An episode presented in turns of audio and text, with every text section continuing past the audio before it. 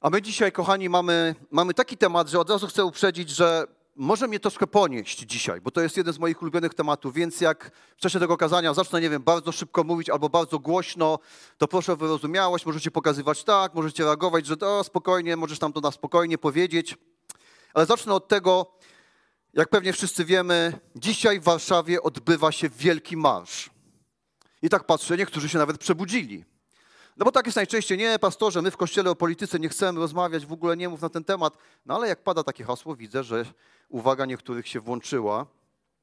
I kiedy się dzieją takie wydarzenia, z pewnością, tak jak całe nasze społeczeństwo, tak samo tutaj na tej sali, mamy bardzo różne zdania na temat tej inicjatywy i myślę, że bardzo dobrze miejmy różne zdania, szanujmy je, rozmawiajmy, przekonujmy się, pamiętając, że nasze inne zdanie od pozostałych nie daje nam prawa do atakowania, obrażania, nie daje nam nasze inne zdanie prawa do tego, żeby jakieś złe, negatywne emocje zaczęły rządzić w naszym życiu, żebyśmy poprzez te złe emocje zaczęli patrzeć czy traktować innych ludzi.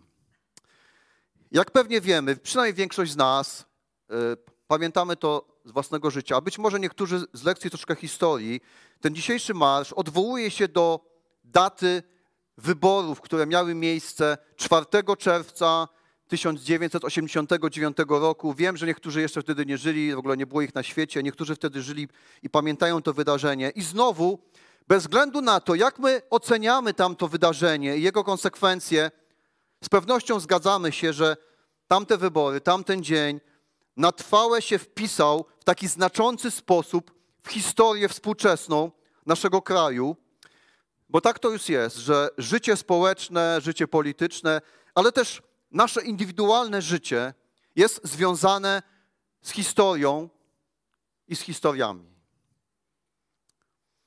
To jest oczywiste.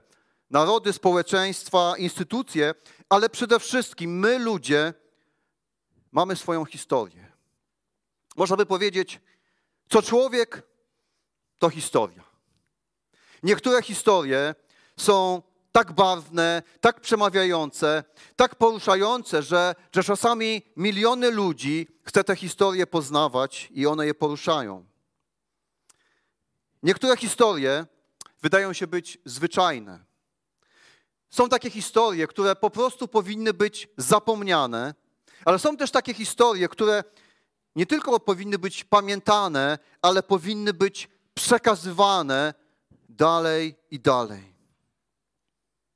I nie wiem, czy zdajemy sobie sprawę z tego, że Kościół to jest taka wspólnota, którą powołał Pan Bóg do istnienia, a zadaniem tej wspólnoty jest opowiedzenie ludziom pewnej historii.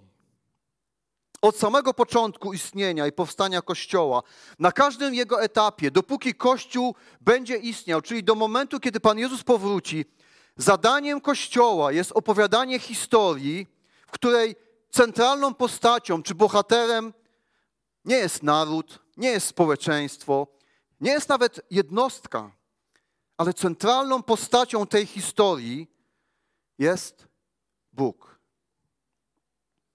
Wiecie, my jako ludzie jesteśmy bardzo różni, dlatego też jako ludzi poruszają nas różne historie.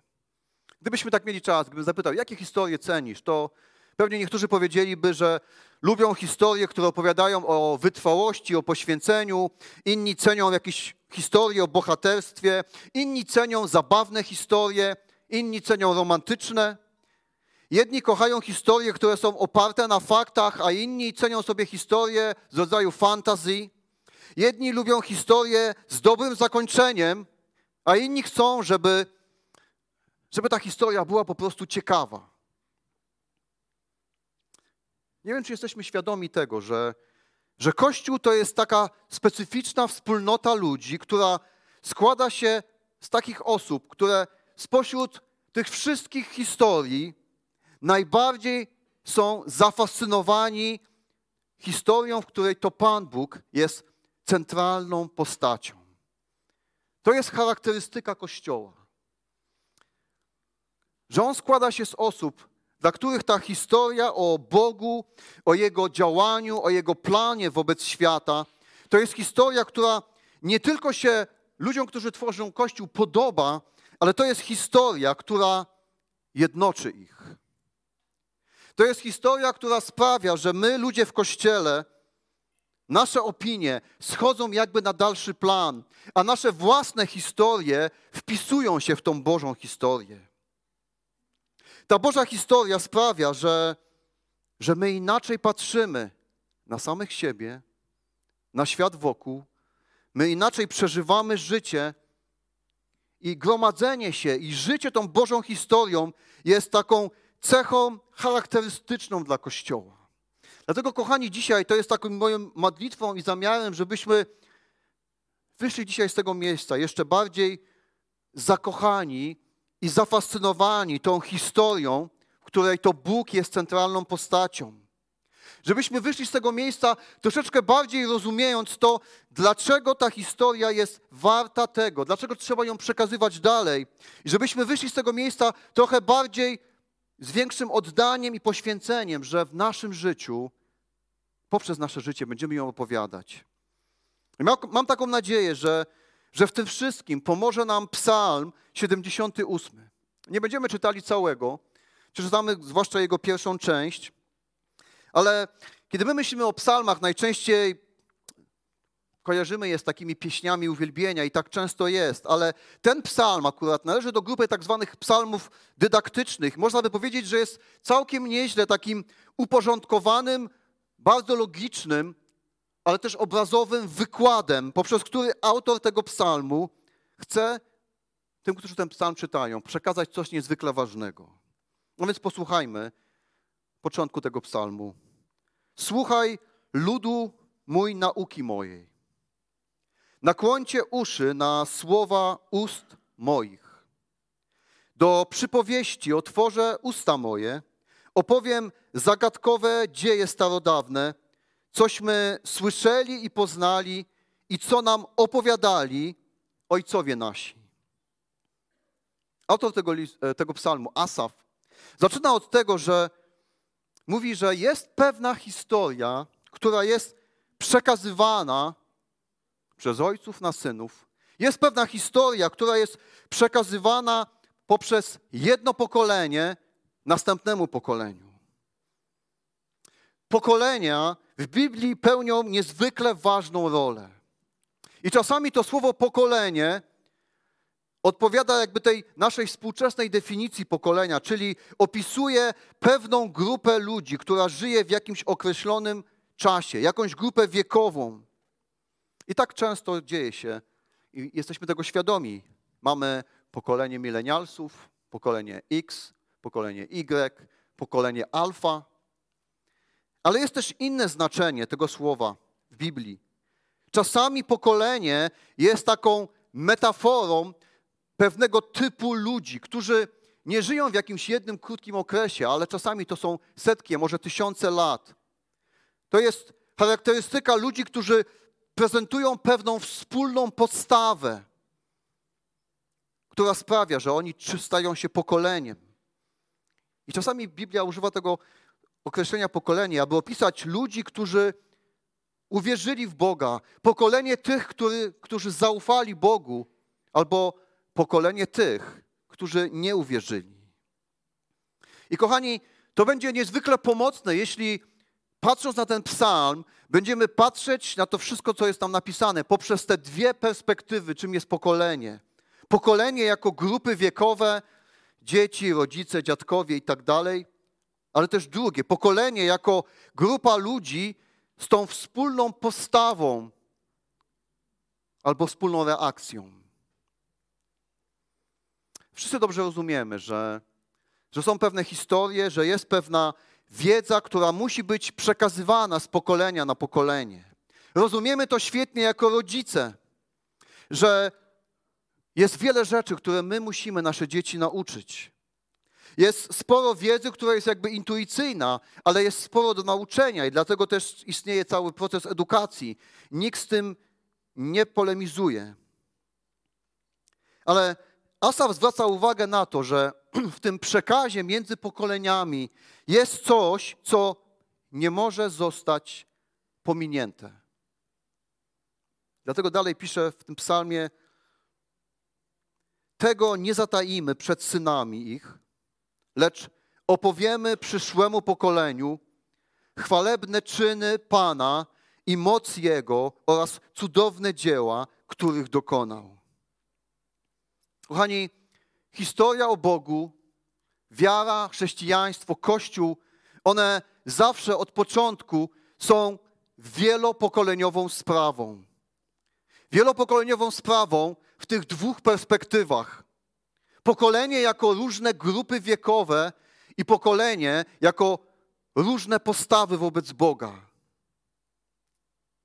I ta historia o tym, co zrobił Bóg, historia o Jego mocy, o Jego cudach, jest tak ważna, że nie może być nieopowiadana.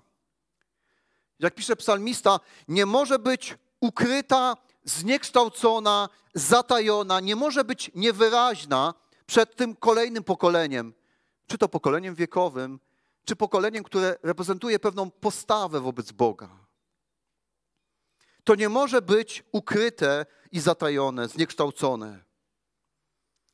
A być może coś takiego przytrafiło się w Twoim życiu. Nasi bliscy ukrywali coś przed nami. I czasami znamy takie historie, że czasami ktoś dopiero w dorosłym wieku dowiaduje się na przykład, że został adoptowany. Czasami tuż ktoś przed swoją śmiercią wyjawia swoje prawdziwe pochodzenie, że pochodzi z takiej czy innej narodowości. Przez całe swoje życie ta osoba obawiała się przyznać do tego, kim jest w swoich korzeniach, bo uważała, że nie będzie to mile widziane.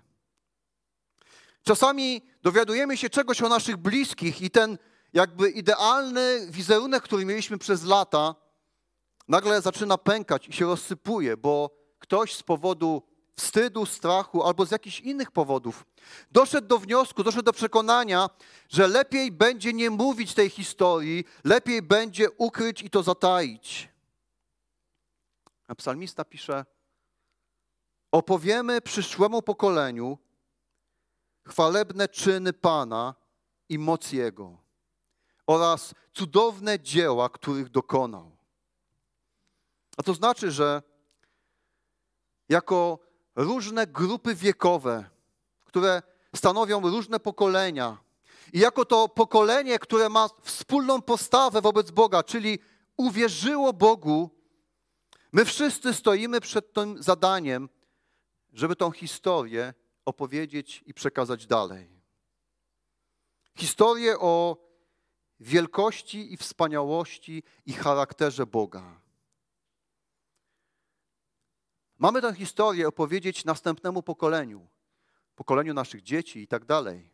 Ale mamy też tą historię przekazać pokoleniu, którym dzisiaj żyjemy, które bez względu na to, ile ma lat, ma tą cechę wspólną. Jeszcze tego Boga nie poznała. Jeszcze żyje bez Niego. A więc mamy to wielkie zadanie opowiedzieć tą historię o Bogu, opowiedzieć, kim jest Bóg i co jest w nim takiego, że on jest godny tego, żeby człowiek mu zaufał. Co jest takiego w Bogu, że on jest wart większej uwagi, czci i zaangażowania niż nasza praca i nauka?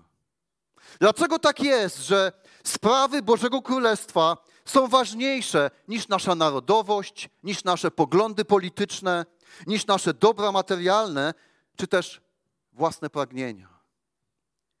Dlaczego my mamy się ekscytować Bogiem bardziej niż, nasi, niż naszymi ulubionymi sportowcami, artystami, jakimiś autorytetami? Co takiego jest w Bogu, że On jest ważniejszy niż my? Co takiego jest w Nim, że nasze serce ma być Mu całkowicie oddane? Wiecie, to jest historia, którą my, rodzice, ci z nas, którzy są dziadkami, mają opowiedzieć następnemu pokoleniu, ale to jest też historia, którą my jako Kościół, jako całość mamy opowiedzieć ludziom, wśród których żyjemy, którzy dzisiaj Boga nie znają. I kiedy Izraelici słuchali tego psalmu, wiedzieli, że tym największym Bożym dziełem było wyswobodzenie ich z niewoli egipskiej. Oni wiedzieli, że częścią tej historii jest Boże prawo, są przymierza, które Bóg zawarł z nimi. A my, żyjący i czerpiący z Nowego i Starego Testamentu, my wiemy, że tym największym Bożym dziełem jest to, co On zrobił w osobie Pana Jezusa Chrystusa. Że to jest sedno tej historii, że Bóg przychodzi do nas dla naszego zbawienia, że to się dokonuje poprzez śmierć, zmartwychwstanie Chrystusa na krzyżu, że Chrystus otwiera dostęp do Boga, nasze grzechy mogą zostać przebaczone, możemy otrzymać Ducha Świętego. To jest sedno tej historii, że w Chrystusie jest koniec z potępieniem, koniec z ciemnością, beznadzieją, niewolą, brakiem sensu i celu. Bo Chrystus jest sednem tej historii. Wszystko, czego szukamy, wszystko, za czym tęsknimy, znajduje się w Nim. I autor tego psalmu, myśląc o tej historii, którą ma do przekazania, myśląc o następnym pokoleniu, jest pełen determinacji i mówi: My tego nie zataimy przed naszymi synami. I kochani, myślę, że ten sam rodzaj determinacji potrzebny jest Tobie i mnie, potrzebny jest nam. Nie zataimy tego przed innymi. Wiecie, determinacja jest potrzebna, ponieważ istnieje ogromne niebezpieczeństwo, że my tę historię zataimy, ukryjemy albo uczynimy niejasną przed następnym pokoleniem, przed pokoleniem naszych dzieci, przed pokoleniem tych, którzy Boga dzisiaj nie znają. Jak to możliwe? Jak tą historię można zatajać? Najprostsze, po, po prostu milcząc. Nie rozmawiając o Bogu na co dzień, nie rozmawiając w swoim domu, zostawiając to innym w kościele, niech mówią o Bogu, mamy dzieci, niech mówią na szkole niedzielnej, niech mówią liderzy młodzieżowi, niech pastorzy mówią, niech mówią na obozach chrześcijańskich, ale my, rodzice, mamy przecież tak wiele spraw. Nie rozmawiając o Bogu w naszym środowisku, wśród ludzi, którzy Boga nie znają. Kiedy tak się dzieje, ta historia, która ma być przekazywana, staje się utajoną historią. Czasami to zatajanie jest wynikiem po prostu naszej ignorancji. No wstyd się przyznać, że czasami my niewiele wiemy na temat Boga i słabo Go znamy.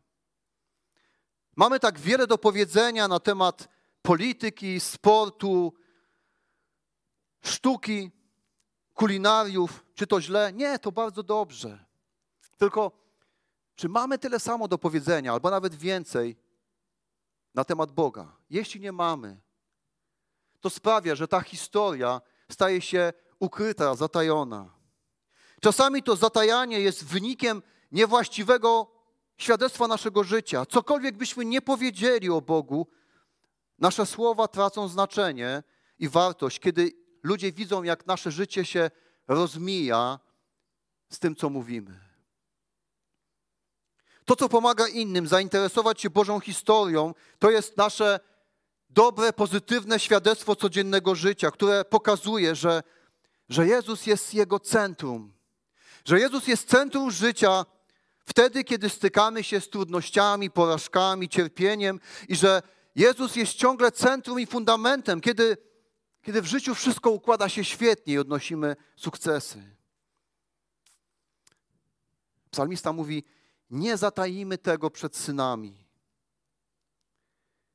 Wiecie, my potrzebujemy tej determinacji, o której pisze psalmista, też jako kościół, kościół, jako wspólnota, jako pokolenie tych, którzy zaufali Chrystusowi, żeby nie ukryć tej historii przed tymi, którzy Boga dzisiaj nie znają. Czy to możliwe, żeby Kościół zatajał tą historię, czynił ją niewyraźną, nieznaną? Niestety to możliwe. Tak się dzieje, kiedy Kościół jest skupiony na samym sobie. Kiedy, kiedy najważniejsze stają się nasze preferencje, kiedy kierujemy się taką konsumpcyjną postawą wobec Kościoła, co jest dla mnie, jak jest, gdzie są spełnione moje potrzeby, moje opinie są najważniejsze, kiedy przychodzimy, wymagamy, zamiast współtworzyć. Kiedy tak się dzieje, wtedy tracimy z oczu tych, którzy potrzebują tą historię poznać i usłyszeć. Wiecie, Kościół może też ukrywać tą historię, zatajać, kiedy traci umiejętność opowiedzenia tej historii w sposób, który jest zrozumiały dla współczesnego człowieka, dla współczesnego pokolenia. Bo jak patrzymy na historię pokoleń, to widzimy, że jednym z głównych problemów między pokoleniami jest trudność zrozumienia się i trudność porozumienia się. Więc jeśli jako Kościół skupiamy się jedynie na sobie, na tym, żeby utrwalać to, co było, utrwalać przeszłość, na tym, żeby w kościele to nam było wygodnie, tracimy ochotę, żeby włożyć wysiłek, żeby zrozumieć te kolejne pokolenia, które nie znają Boga. Tracimy ochotę, żeby podjąć wysiłek, żeby przemówić do tego pokolenia w sposób, który będzie dla tego pokolenia zrozumiały. Bo to zrozumienie, bo to przemawianie w zrozumiały sposób wcale nie jest takie proste. Bo ono wymaga od nas, od ciebie i ode mnie zmiany. A jeśli jesteśmy skupieni wyłącznie na sobie, trudno jest nam zapłacić cenę, jaka jest związana z tym, żeby Kościół się zmieniał. Ale każde pokolenie i w Biblii, i w historii Kościoła jeśli chcę opowiedzieć tę historię kolejnemu pokoleniu, jeśli chcę zapoznać kolejne pokolenie z tą Bożą historią, potrzebuję taką cenę zapłacić. I czasami ona sporo kosztuje.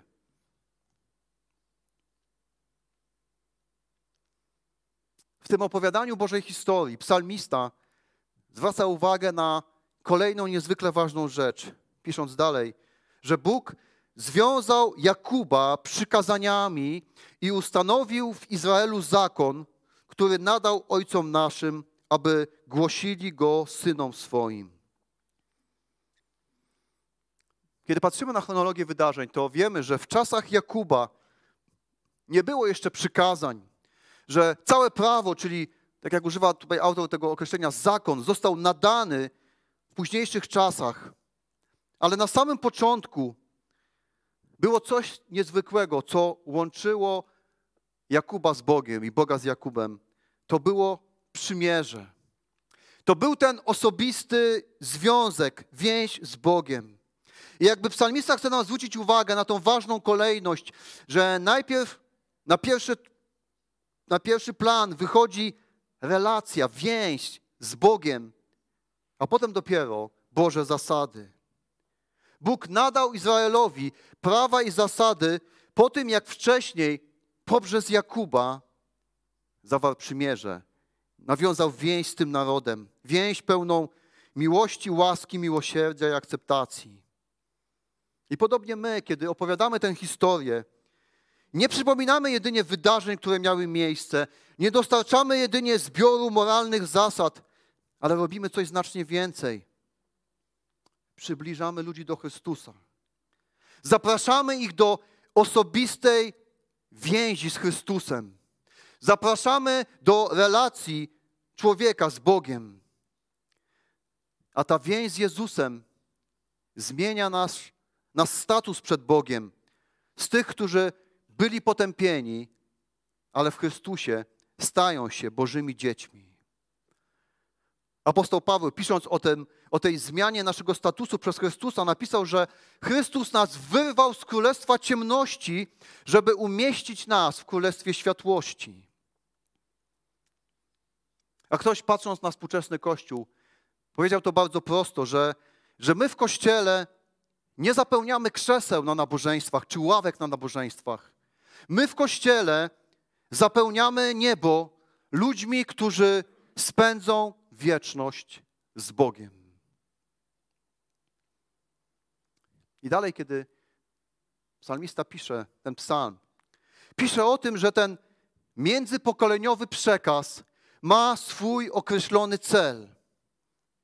I pisze tak, aby poznało go następne pokolenie, a synowie, którzy się urodzą, znów opowiadali go swoim dzieciom, że mają pokładać nadzieję w Bogu i nie zapominać o dziełach Bożych, lecz strzec przykazań Jego, żeby nie byli jak ojcowie ich, pokoleniem, pokor, pokoleniem przekornym i niewiernym, pokoleniem niestałego serca, którego duch nie był wierny Bogu.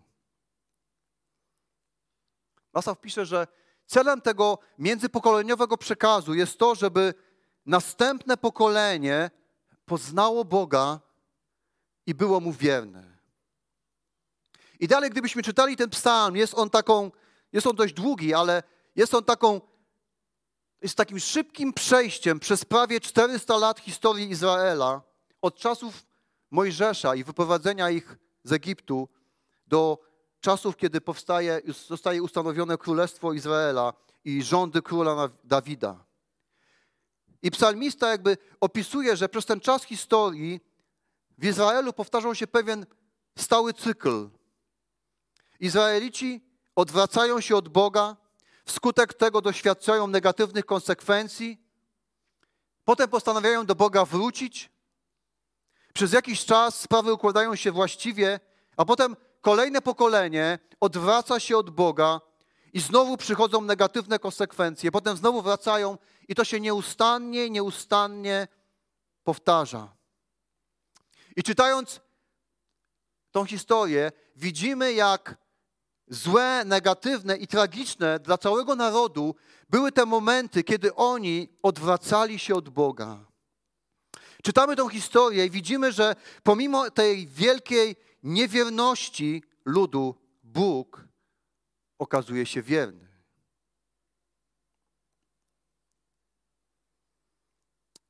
Każdy z nas, kto jest rodzicem, kiedy nasze dzieci są małe, snujemy plany, mamy pragnienia wspaniałego życia dla swoich dzieci. Chcemy dla nich tego, co jest najlepsze, nie tego, co jest najgorsze. Ale wiecie, okazuje się, że najgorsze, co może spotkać nasze dzieci, to wcale nie są życiowe trudności i porażki. Najgorsze nie jest to, że, że nasze pragnienia wobec życia naszych dzieci się nie zrealizują. Najgorsze, co może spotkać nasze dzieci, to jest zbuntowane serce wobec Boga. To jest nie tylko najgorsze dla naszych dzieci, to jest też najgorsze dla Ciebie i dla mnie. Co, co może nas spotkać, to niewierność wobec Boga. I pewnie pamiętamy to, co powiedział Jezus. Jaką korzyść odniósł człowiek, który zdobył cały świat, a poniósł szkodę na własnej duszy. Jezus mówi: Wszystko w życiu traci na znaczeniu, jeśli rozminąłeś się z Bogiem. To znaczy, kochani, że najgorsze, co może spotkać nas, Polaków, to nie jest wcale wygrana czy przegrana tamtej czy innej partii. Czy to nie ma znaczenia? To ma znaczenie. Ale najgorsze, co może nas spotkać jako naród, to rozminięcie się z Bogiem. To nasza niewierność wobec Niego.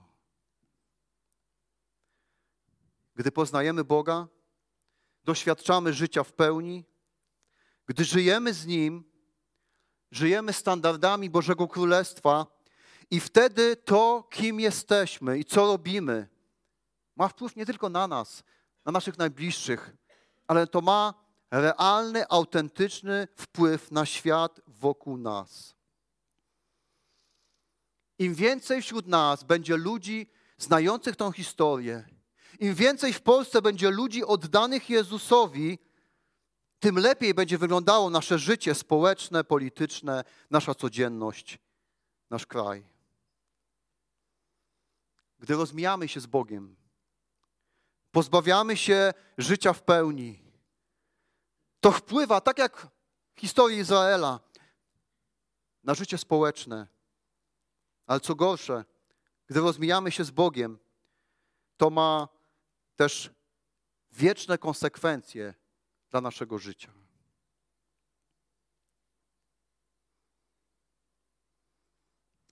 Dlatego najlepsze, co może spotkać nasze dzieci, następne pokolenie, pokolenie tych, którzy Boga nie znają. Najlepsze, co może spotkać Polaków, Ukraińców, Białorusinów, Europejczyków, to jest poznać chwalebne czyny Pana i moc Jego. Poznać cudowne dzieła, których On dokonał. A to znaczy, że tak wiele zależy od tego, jak będziemy tą Bożą historię opowiadać. Historię, w której to Pan Bóg jest centralną postacią. Tak wiele zależy od tego, jak ty i ja ją opowiemy. Psalmista pisze: Nie zatajimy tego przed synami, przed pokoleniem, które dziś nie zna Boga. A więc opowiedzmy tą historię. Opowiedz tą historię. Opowiedzmy ją w taki sposób, żeby ludzie nie tylko dowiedzieli się o Bogu, ale zapragnęli Go poznać i żyć razem z Nim. Opowiedzmy tą historię, dążąc do tego, by to, kim jesteśmy i co robimy, zawsze, zawsze pokazywało, że Jezus jest dla nas najważniejszy. Opowiedzmy tą historię, pokazując, że jesteśmy stworzeni do relacji, dlatego świadomie wybieramy czas z Bogiem czy innymi wierzącymi, żeby się rozwijać i duchowo dojrzewać. Opowiedzmy tę historię, mówiąc prawdę w miłości. Każdy człowiek ma swoją historię, więc najpierw spróbujmy ją poznać i zrozumieć, zanim przejdziemy do prawdy. I pomimo różnic w naszych poglądach, opowiedzmy tą historię, wybierając język, który jest pełen szacunku i zrozumienia. I cokolwiek robimy, dajmy z siebie wszystko, ponieważ Bogu należą się najlepsze rzeczy z naszej strony. I opowiedzmy tą historię, ceniąc współpracę, bo mamy różne dary i talenty, dlatego kiedy działamy wspólnie, możemy osiągnąć więcej. Opowiedzmy tą Bożą historię, wszyscy bez wyjątku, wszyscy współtworząc Kościół, rezygnując z konsumenckich, egoistycznych postaw i roszczeń, ale wybierzmy współodpowiedzialność i pełne poświęcenia, zaangażowanie dla dobra innych, bo w ten sposób naśladujemy Chrystusa. Tego nie zatajimy przed synami, lecz opowiemy przyszłemu pokoleniu chwalebne czyny Pana i moc Jego oraz cudowne dzieła, których dokonał. A więc żyjmy tak, by ludzie mogli poznać Jezusa, bo to jest najważniejsze, by ludzie Go poznali. Jeśli ludzie Go nie znają, wszystko w życiu traci znaczenie.